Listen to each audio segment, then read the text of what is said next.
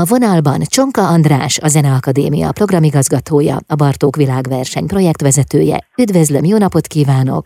Jó napot kívánok, üdvözlöm a hallgatókat is! Hányan jelentkeztek az idei Bartók világversenyre? Milyen sikere van?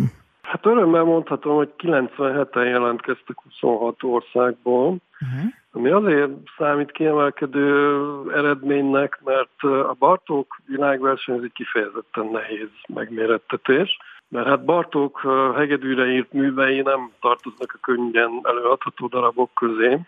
Úgyhogy mi, amikor meghirdettük a versenyt, akkor tudtuk, hogy, hogy nagyon nehéz dolgunk lesz. És hát ez így is volt. És mi ráadásul ezt még azzal is, hogy úgy mondjam, tovább nehezítettük, hogy a Bartók versenynek van egy sajátossága, hogy van zeneszerző verseny is, és a zeneszerző verseny győztes darabjai is bekerülnek a kötelező repertoárba, tehát ezek ugye kortárs művek, amiket nem is ismerhetnek a versenyzők. Ezeknek a kottáit kitesszük a honlapra, hogy, hogy meg tudják nézni, hogy miről van szó. És ez, ennek a tudatában kellett jelentkezniük, és hát ezt látva a 97 versenyző 26 országból az nagyon jó eredménynek számít. Ha jól láttam, akkor videókat küldtek be a pályázók magukról, és önök ez alapján előzsűriztek. Így van, hát ez a, most már a világ nagy versenyein az előválogatás az videófelvételek alapján történik.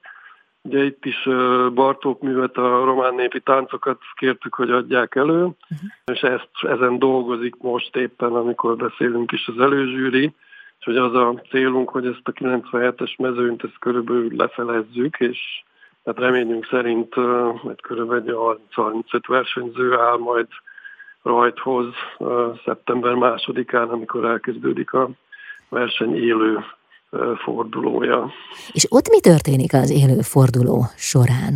Ja, a verseny négy fordulós, az első forduló az, ami most zajlik, tehát ez a, ez a videó előválogató, uh-huh. és akkor lesz egy elődöntő, középdöntő és döntő, Ja, az elődöntő és a középdöntő a Zenakadémia Sordi termében zajlik, és ingyenesen bejöhet rá bárki, amit én nagyon javaslok a közönségnek, mert ez nagyon izgalmas dolog. Egyrészt a repertoár, amit játszanak, azon túl, hogy Bartok darabok mindig vannak benne, azért ott előkerül a, gyakorlatilag a, a virtuóz hegedűművek legtöbbje is, és a, a klasszikus hegedű zongora szonáta irodalom legfontosabb darabjai is ott vannak, tehát én azt gondolom, hogy aki a hegedű muzsikát szereti, annak nagyon nagy élmény végighallgatni egy ilyen versenyt.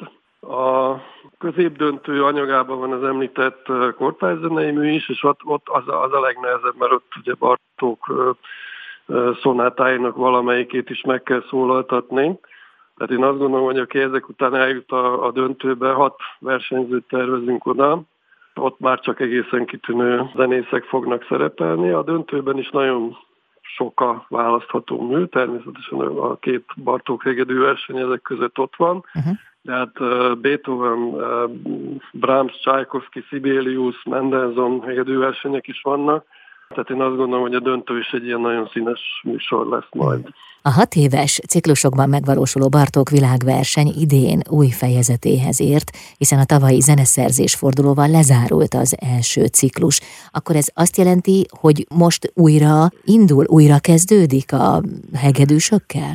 Így van, 2017-ben indult a Bartók világverseny, akkor rendeztük meg először a versenyt, az egy hegedűverseny volt, és ugye mindig a páratlan években vannak a uh, hangszeres versenyek, tehát a hegedű után az ongora és a vonós négyes, és a köztes páratlan években pedig a zeneszerző versenyek, és hát egy ilyen ciklus zártunk le, és a legutóbbi zeneszerző verseny kellett erre a, a hegedű zongora formációra írni darabokat, tehát ez most tényleg egy új ciklus indulása is, és hát nagyon reméljük, hogy a második ciklus is végigmegy. Én, én azt gondolom, hogy ez a versenyforma, ez kivételes így a nemzetközi mezőnyben. Vannak olyan versenyek, ahol több hangszerben hirdetnek évről évre versenyeket, tehát ez önmagában nem egyedülálló, de az, hogy egy zeneszerzéssel úgy párosul, hogy a, a megírt darabok a kötelező repertoár részei, ilyenről én nem nagyon tudok, tehát én azt gondolom, hogy ez tényleg egy a nemzetközi mezőnyben is egy kivételes verseny, és hát már odafigyelnek rá nemzetközileg, büszkék vagyunk rá, hogy tavaly a Nemzetközi Versenyek Szövetségének a tagjává vált a Bartók világverseny. Köszönöm szépen, további sok sikert kívánok, és hát a versenyzőknek is kitartást és jó munkát, hát ha eljut hozzájuk ez a hír, a zsűrinek pedig szintén nagyon sikeres együttműködést, hiszen akkor most is bőszen gondolkoznak azon, hogy kiusson tovább. Így van, köszönjük szépen. Hát én nagyon drukkolunk a versenyzőknek, és hogy egy jó verseny legyen. Önök mindent megtesznek érte. Köszönjük szépen. Köszönöm szépen. Csonka András volt a vendégem, a Zeneakadémia programigazgatója, a Bartók Világverseny projektvezetője itt az Intermedzóban.